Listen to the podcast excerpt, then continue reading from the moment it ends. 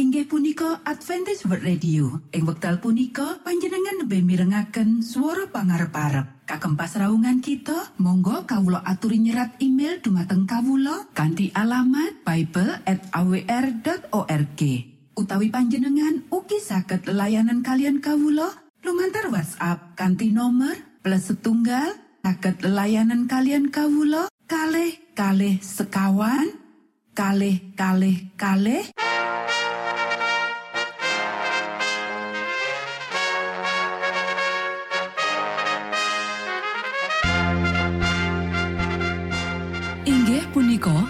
Adventis World Radio ingkang giaran kanti basa Jawi. Tentrem Rahayu Kulo aturaken kagem poro Mitra kinasih ing pundi papan lan panggonan. Sugeng pepanggian malih kalian Adventis World Radio. Kanti bingahing manah Kulo badi sesarengan kalian poro Mitra kinasih lumantar saperangan adicara ingkang sampun rinonci mligi kagem panjenengan sami. Mugi giaran punika saged migunani tuwin dados berkah kagem kita sedaya. Sugeng midhangetaken Gusti amberkahi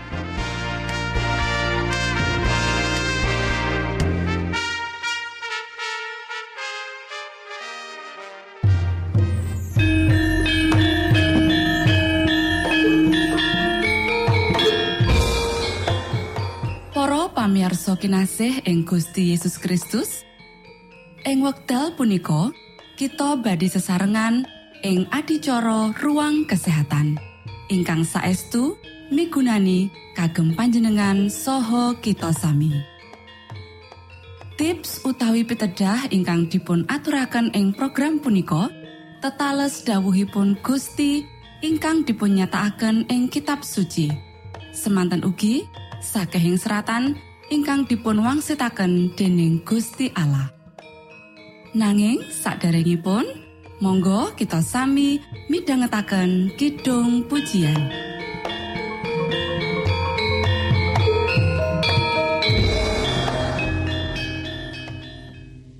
Monggo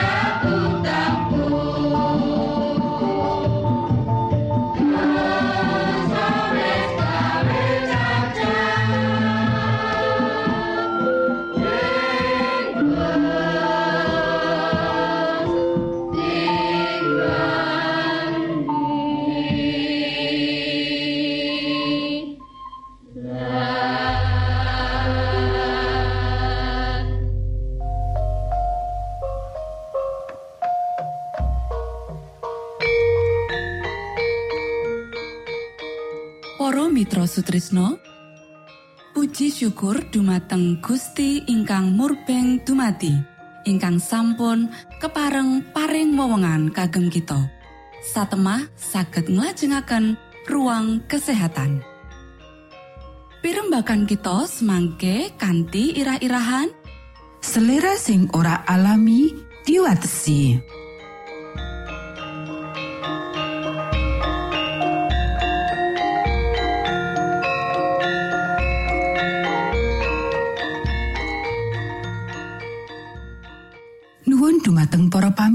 Ingkang dahat kinurmatan, sugeng pepanggihan malih kalian kula Isti Kurnaidi ing adicara ruang kesehatan. Ing dinten punika kanthi irah-irahan selera sing ora alami diwatesi. Para sedherek ingkang kinasih, wong-wong sing nampa pitutuh ngenani bebaya panggunaan daging, teh, kopi lan panganan mewah sing ora nyehatake, lan dheweke sing mutusake kanggo janji marang Gusti Allah kanthi pangorbanan, ora bakal nerusake pemanjaan selera marang panganan sing dheweke ngerti ora nyehatake. Gusti Allah nuntut supaya selera iku disucikake lan penyingkuran diri diamalake tumrap perkara-perkara sing becik. Iki sawijining pakaryan sing kudu dilaksanakake sakdurunge umat bisa ngadeg ing ngarsane dadi sawijining umat sing sampurno. Para sedherek ingkang kinasih, Gusti Allah ora owah lan panjenengane ora duwe kersa ngowahi susunan badan kita supaya kita bisa nerak angger-angger tanpa ngrasakake akibate. Nanging akeh wong kanthi sengaja nutup matane marang pepadang. Kanthi manjakake kepinginan lan selera, dheweke nerak angger-angger panguripan lan kesehatan.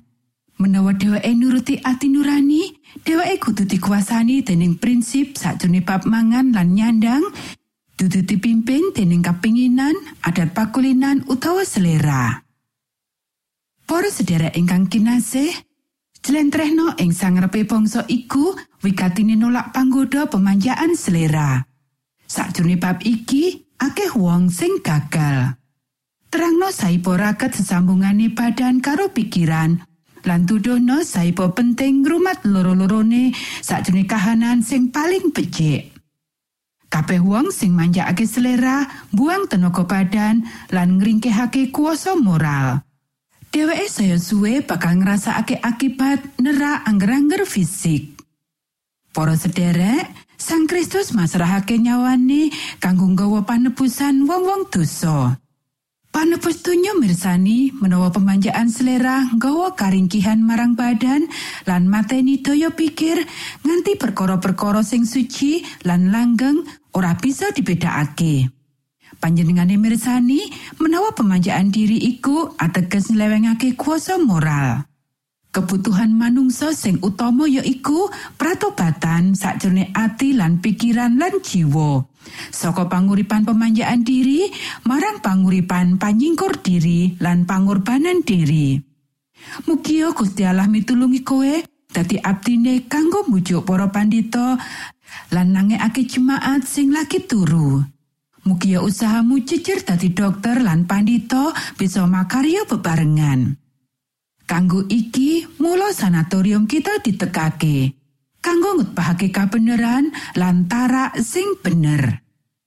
Para sederek, jejer dadi sawijining bangsa kita perlu ngenekake reformasi khususnya marang para pandita lan guru dheweke perlu ngenekake iku aku entuk petutuh kanggo matur marang pandita lan ketua-ketua daerah guna sampeyan selaku juru karya Allah sakjroning kewajiban nambani jiwa-jiwa sing lagi tiwas kumantung akeh marang kemajuanmu sakjroning ngalahake selera.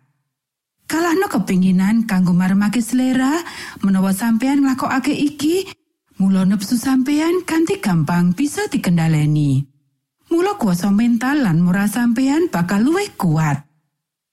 Lan anggone padha ngalahake srana rahi sang cempe lan srana tembunge pasekseni matur nuwun Gusti amberkahi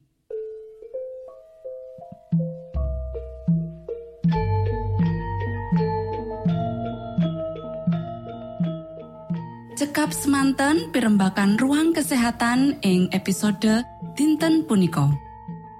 Ugi sampun kuatos jalaran kita badhe pinanggih malih ing episode sak lajengipun.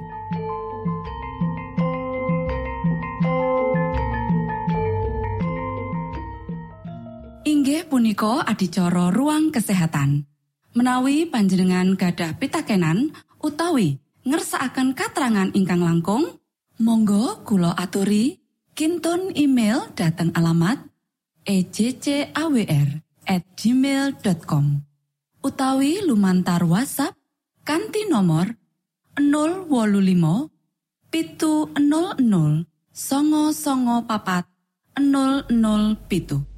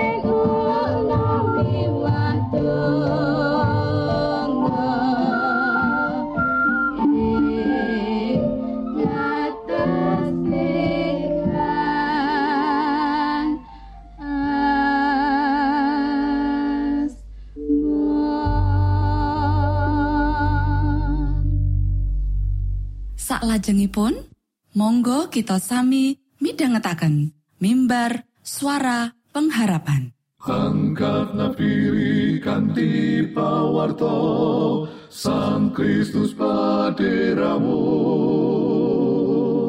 Pro umat samyo puji asmanyo Sang Kristus paderamu Inggih punika mimbar suara pengharapan. Ing episode punika kanthi irah-irahan.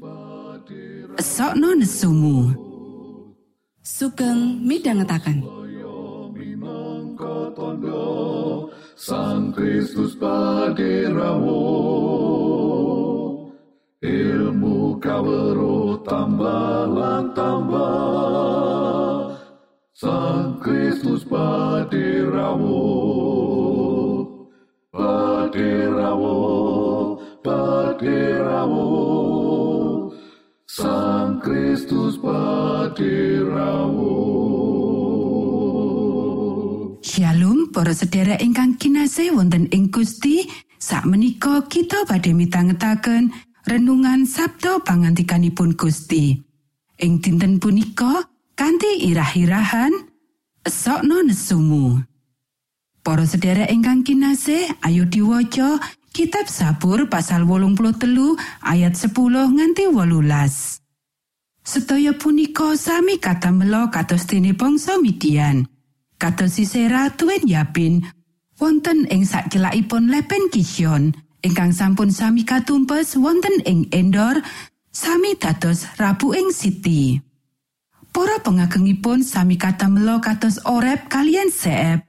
Soho sakataing pemimpinipun kados Sebah lan Salmunah. ingkang sami wicanten payo padha ngejeki papan-papan petamelaning Allah. Do ala kawula tiang punika sami katatosno kados dedak ingkang mabul-mabul kados prambut ingkang kabur ing angin. Kados latu ingkang besmiwono saha kados uruping latu ingkang gesengaken reti-reti. Sami kaoyao kalian prahara patuko. Tuwin katamelo kaget kalian lesus patuko. Rainipun sami kasasapono ing wirang, supados sami ngupadosono asma paduka Duh Yehuwa. Kajengipun sami nandang wirang sarta kaget ing salaminipun sarta kawirangno saha lajeng sami tumpes. Para sedherek ingkang kinasih, sawetara Mazmur nyuwun Gusti Allah supaya paring piwales marang pawongan lan bangsa sing arep miloro utawa sing wis miloro para juru Mazmur utawa rakyate. Mazmur iku keprungu rada bingungake awit saka basane kang kasar lan kurang laras saka prinsip kitab suci bab katresnan marang musuh. Kita bisa maca ing Matius pasal 5 ayat petang puluh papat. Nanging, nesune juru Mazmur nalika ngadepi panindasan iku api. Iki tegese menawa para juru Mazmur nganggep bener lan salah luwih temenan tinimbang akeh wong. Para juru Mazmur peduli banget, malah banget bab piolo sing dilakokake ing donya ora mung kanggo awake dhewe nanging uga kanggo wong liya. Nanging para juru Mazmur uga ora nate nyaranake marang awake dhewe dadi agen piwalesan. Kosok balene sang juru Mazmur malah masrahake bab piwalesan kuwi mung ing astane Gusti Allah. Mazmur iki nuhake ipat-ipat saka prajanjian ilahi. Kita bisa maca ing pangandaring Toret pasal 17 ayat songo nganti 16. Lan nyenyuwun marang Gusti Allah kanggo numindaki kaya dene kang Gusti wis prasetyakake. Para sederek, Mazmur iki ya iku woro-woro kenabian bab pangadilan Allah kang bakal rawuh. Kuwi dudu mung pandunungane para juru Mazmur. Sabur pasal 137 nuduhake woro-woro bab pangadilane ilahi tumrap Babil, kaya sing katon ing kitab para nabi. Karusaan kang digawa dening wong Babil marang bangsa liyane bakal bisa balik ngenani dheweke.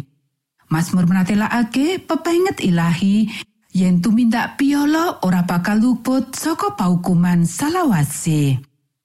Para sedherek ingkang kinasih, piwalese Gusti Allah kaukur dening keadilan lan sih palimirmo.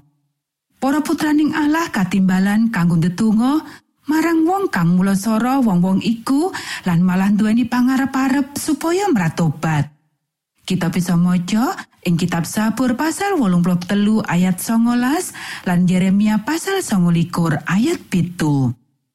Nanging sinambi ngupayakake lan nglarasake Mazmur iki karo norma Alkitabiah babagan katresnan marang musuh, kita kudu ngati-ati kanggo ora nyepelekake pengalaman kang larani kang diungkapake ing jerone. Gusti Allah ngakoni kasangsarane para putrane lan paring keyakinan marang para putrane menawa patine para kekasih iku akeh pengajine ana ing paningale Sang Yehuwa. Sabur pasal 116 ayat 15. Para sedherek ingkang kinasih, pangadilan ilahi ngwajibake umat Gusti Allah kanggo nguwuh-uwuh nglawan sakabehe piolo lan ngupaya karawuhane kerajaan Allah kanthi sampurno. Mazmur uga menehi swara marang wong-wong sing nandhang sangsara paring pangerten menawa Gusti Allah mirsani kasangsarane lan keadilan bakal teka. Matur nuwun, Gusti amberkahi.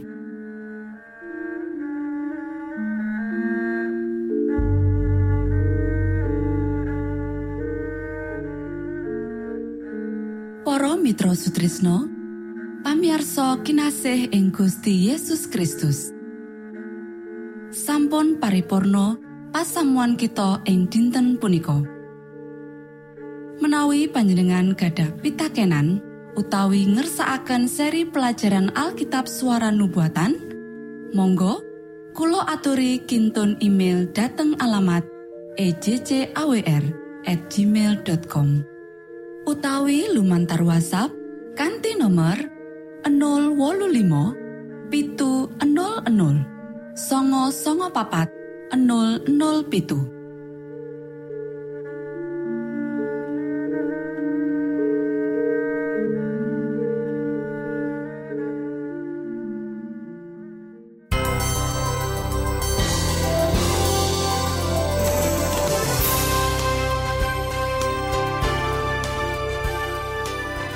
Matur nuwun kagem wektalipun kita badhe pinanggih malih ing gelombang ugi wekdal ingkang sami. Saking studio kula ngaturaken tentrem rahayu. Gusti amberkahi kita sedaya. Maranata.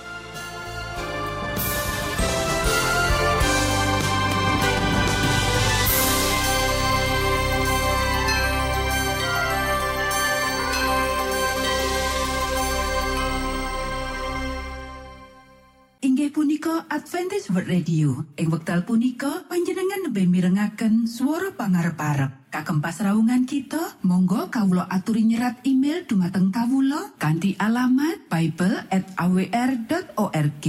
Utawi panjenengan ugi saged layanan kalian kawula lumantar WhatsApp kanthi nomor plus setunggal saged layanan kalian kawula kalih kalih sekawan kalih kalih kalih